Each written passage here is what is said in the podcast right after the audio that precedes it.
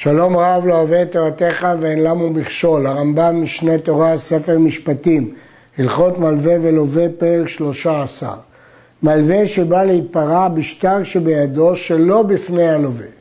אם יכולים בית דין לשלוח אליו ולהודיעו עד שיעמוד עמו בדין, שולחין ומודיעין לו, כי לכתחילה אנחנו מעוניינים שהגבייה תהיה בפני הלווה.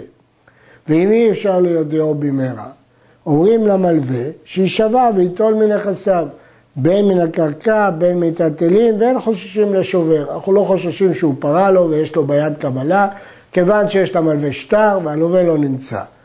ודין זה תקנת חכמים הוא, כדי שלא יהיה כל אחד ואחד נוטל מעותיו של חברו והולך ויושב לו במדינה אחרת ונמצאת הנועל דלת בפני לווים. אם נגיד שאי אפשר לגבות אלא בפניו, כל לווה שחייב כסף, יברח לו למקום רחוק והמלווה לא יוכל לגבות ממנו. ולכן הלכה כרב נחמן שאמר בגמרא בכתובות שמהטעם הזה גובים שלא בפניו. זאת מחלוקת המוראים וכן הלכה. שלוש ראיות צריך להביא לבית דין ואחר כך יפרע שלא בפניו. כלומר, כדי שהוא יוכל להיפרע את חובו שלא בפניו, צריך להביא שלוש ראיות. ראיה ראשונה, לקיים השטר בידו. שהשטר יהיה מקוים, שנדע שהשטר לא מזויף, כי שטר מזויף הוא חספא בעלמא. יש חולקים ואומרים שצריך לקיים שטר רק כשהנידון שמולו טוען בבריא שזה שטר מזויף.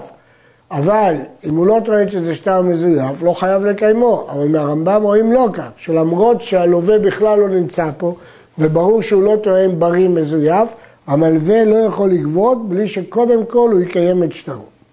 ראיה שנייה, שבעל חובו במדינה אחרת ומנו מצוי בכלל לעמוד עמו בדין. הוא צריך להוכיח שבאמת הלווה לא נמצא כאן, כי אחרת לא נדון עד שיגיע הלווה. ראיה שלישית, שאלו הנכסים של פלוני הלווה, זה פשוט, שהוא צריך להוכיח שהנכסים שהוא רוצה להיפרע מהם, הם אכן שייכים ללווה. מלווה, שבא לבית דין והביא משכון בידו ואמר, זה משכונו של פלוני, הוא לווה ממני כסף ונתן לי משכון, הגיע זמן הפירעון, הוא לא נמצא, ואני רוצה למוכרו להיפרע חובי. אין בית דין נזקקים לומר לו המתן עד שיבוא לווה ויתרון. אולי ללווה יש טענות שהוא פרע. למה? שאם רצה לומר, לקוח הוא בידי, אומר, הרי המשכון הוא בידו. כיוון שהמשכון בידו, תמיד הוא יכול להגיד, זה שלי, הרי יש חזקת מטלטלין, כל מה שתחת יד אדם, שלו. אז מתוך שהוא יכול לומר שזה שלי, הוא נאמן לומר לא נפרעתי, ובגלל זה נותנים משכון, ולכן הוא יכול לגבות אפילו שלא בפניו. ומסיעים לו עצה למוכרו בפני עדים, כדי שידע הלווה בכמה נמכר. שלא יאמר אחר כך יתחיל ויכוח אם הוא מכר אותו בשוויו לא מכר אותו בשוויו וכדומה. אה, יש להעיר שהדין הזה לא נמצא מקורו בגמרא, אלא ברבי גאון בשער השישי. וכן המלווה את חברו על המשכון, ומת הלווה והמלווה. בין שמת לווה תחילה, בין שמת מלווה תחילה. הואיל והוא נפרע ממה שתחת ידו, המשכון הוא תחת ידו, ואילו רצה אמר לקוח הוא בידי, כי יש לו חזקת מטלטלין, הרי זה נשבע בנקיטת חפץ ונוטל כדרך כל הנשבעים ונוטלים. הוא נאמן ויכול ליטול בנקיטת חפץ. ולמה הוא צריך להישבע בנקיטת חפץ, נראה בהמשך דברי הרמב"ם. ומפני מה אינו נשבע הסת? למה הוא צריך להישבע בנקיטת חפץ לפני שהוא נוטל? הרי יש לו מיגו שהוא יכל להגיד שהחפץ הזה שלו.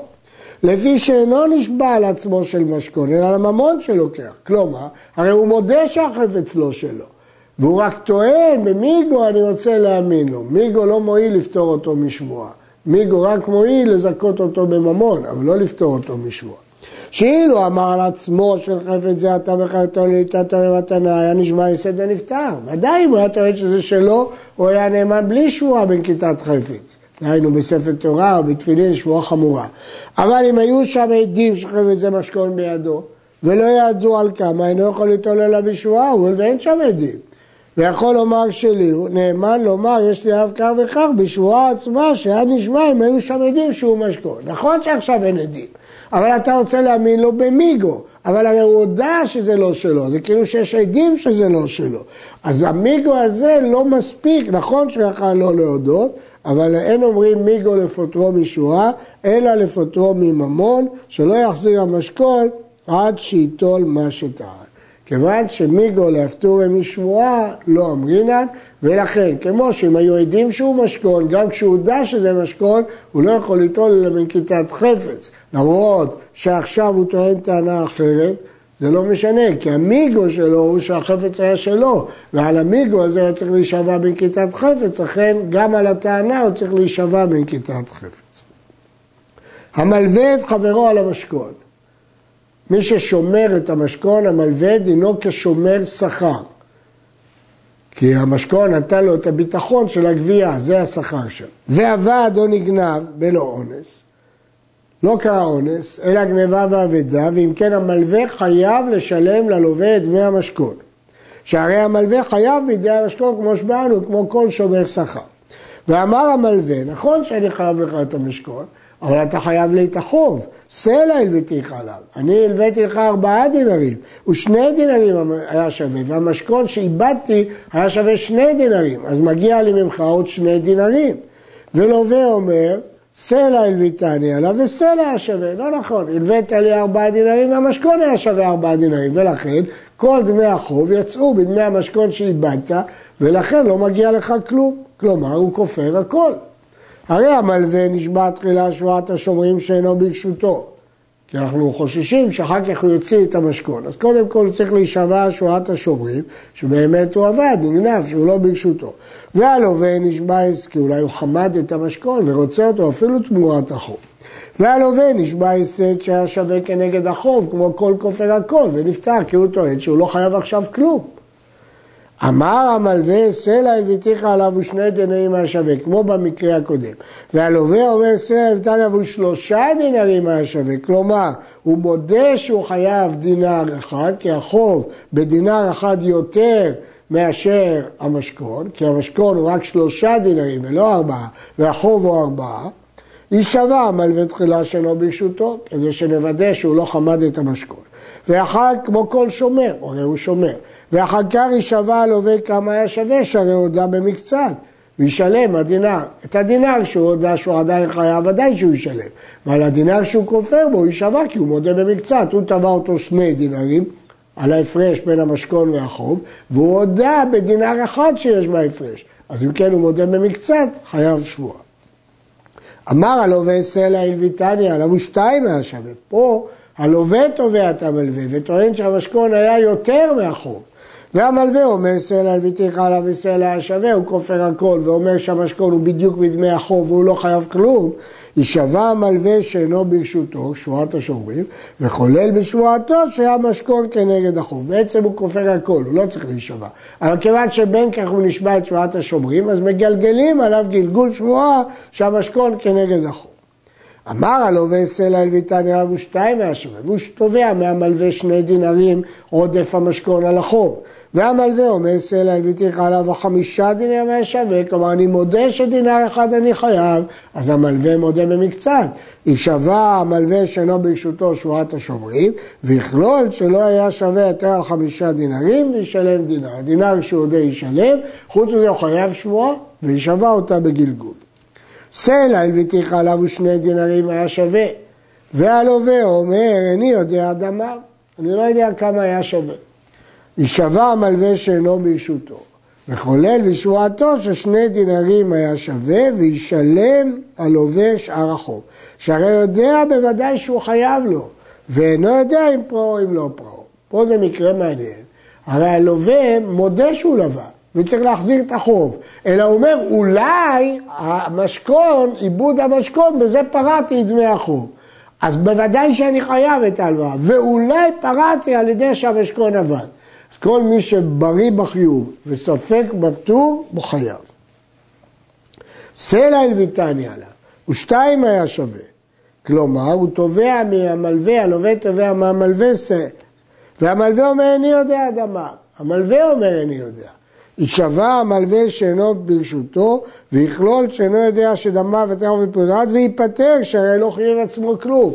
זה לא דומה למקרה שהלווה אומר איני יודע, כי כשהלווה אומר איני יודע, הוא אומר אני חייב את ההלוואה, ואיני יודע אם דמי המשכון קיזזו את ההלוואה. אבל כשהמלווה אומר אני לא יודע, הוא אומר אני לא יודע אם אני חייב לך יותר מההלוואה. אבל אם אמר המלווה, אני יודע שהיה שווה יותר על החוב, כלומר, אני יודע שאני חייב לך, אבל אני יודע כמה, אז פה במקרה הזה הוא בריא בחיוב. הרי זה משלם כל מה שטען הלווה בלא שואה. למה? כי הוא מודה במקצת, כי הוא יודע שהוא חייב, אבל הוא לא יודע כמה, אז הוא מחויב שואה שלא יכול להישבע, משלם. כמו שאמר, אדם תבע אותו מנה, והוא אמר חמישים יש לך בידי וחמישים איני יודע. אז הוא הודה במקצת וחייב שבועה ולא יכול להישבע כי הוא לא יודע, הוא מחויב שבועה ואינו יכול להישבע כמו שהתבהר שהוא משלם. ויש לו להחרים על מי שטוען שקר. המלווה את חברו וקבע לו זמן לפורו, אף על פי שלא קנו מידו, אינו יכול לטובו עד סוף הזמן. בין במלווה על פה, בין במלווה בשטר, בין שבעה על המשכון, בין שמת הלווה, בין שמת מלווה. למה? כי יש זמן, עד שלא הגיע הזמן, הוא בכלל לא חייב לו. הוא, הוא חייב לו, אבל לא, לא יכול לתבוע את הפירעון. הוא סתם מלווה, אם לא קבעו זמן, 30 יום. בין משטר, בין בעל פה, בין על המשכון. ואז הוא לא יכול לבוא בתוך 30 יום לתבוע ממנו. ואם יתנה בשעת ההלוואה שיתבע בכל זמן שירצה, יש לו לטובו ביומו שתנאי ממונו. כיוון שהוא התנה שמתי שהוא ירצה הוא יחזיר לו את החוב, זה תנאי, הוא הסכים לתנאי, ואז הוא יכול לתבוע אותו בכל עת. טען המלווה ואמר, היום סוף הזמן שקבעתי. קבענו זמן ונגמר הזמן. והלווה אומר, עד עשרה ימים קבעת. יש עוד עשרה ימים. הלווה נשבע הסת. למה? כי הוא כופר הכל, הוא אומר בינתיים, אני לא חייב כלום. ואם היה שם עד אחד שהיום סוף זמנו, הרי זה נשמע שורת התורה כשאר הטענות. גם זאת טענה, כי עד אחד אומר שנגמר הזמן והוא צריך להיפרע, חייב שבועת עד אחד. זה אומר חמישה ימים נשאר מן הזמן, וזה אומר עשרה אומרים למלווה, המתן עד סוף החמישה, כי עד אז בכלל אין לך תביעה. וישבע הסד שנשאר עוד חמישה ימים, כי אין עד ואין כלום, אז זה כמו כופר הכל, אומר יש לי עוד חמישה ימים. הייתה המלווה בשטר, וטען הלווה זמן קבעת לי, יראה לי שישבע בעל החוב הסד שלא קבע לו זמן וייטול מיד. כיוון שיש לו שטר ביד, כיוון שיש לו שטר ביד, אז הוא יכול לתבוע מיד את החוב שלו. כי שטר העומד לגבות זה כאילו גבוי. ואם הבעל חוב טוען שהוא קבע לו זמן, עליו להביא ראייה. ואם הוא לא יביא ראייה, בעל השטר ישבע הסד ויגבה. המלווה ניתנה להיטבע בכל מקום. כיצד? המלווה את חברו ביישוב ותבעו במדבר, אינו יכול לדחותו, חייב לפרוע לו בכל מקום שיתבענו. בא הלווה לפרעו במדבר, הרשות ביד המלווה, אם רצה מקבל, ואם רצה אומר לו איני נפרע, אלא ביישוב, כדרך שנתתי לך. והרי הם ברשותו עד שיפרענו ביישוב. עבד לווה לאיש מלווה. המלווה יכול לתבוע את ההלוואה שלו בכל מקום, אבל הלווה לא יכול להחזיר את ההלוואה אלא במקום שהוא קיבל אותה. ואם הוא מחזיר במקום אחר, הוא אחראי על הכסף עד שהוא יגיע ליישוב. עד כאן.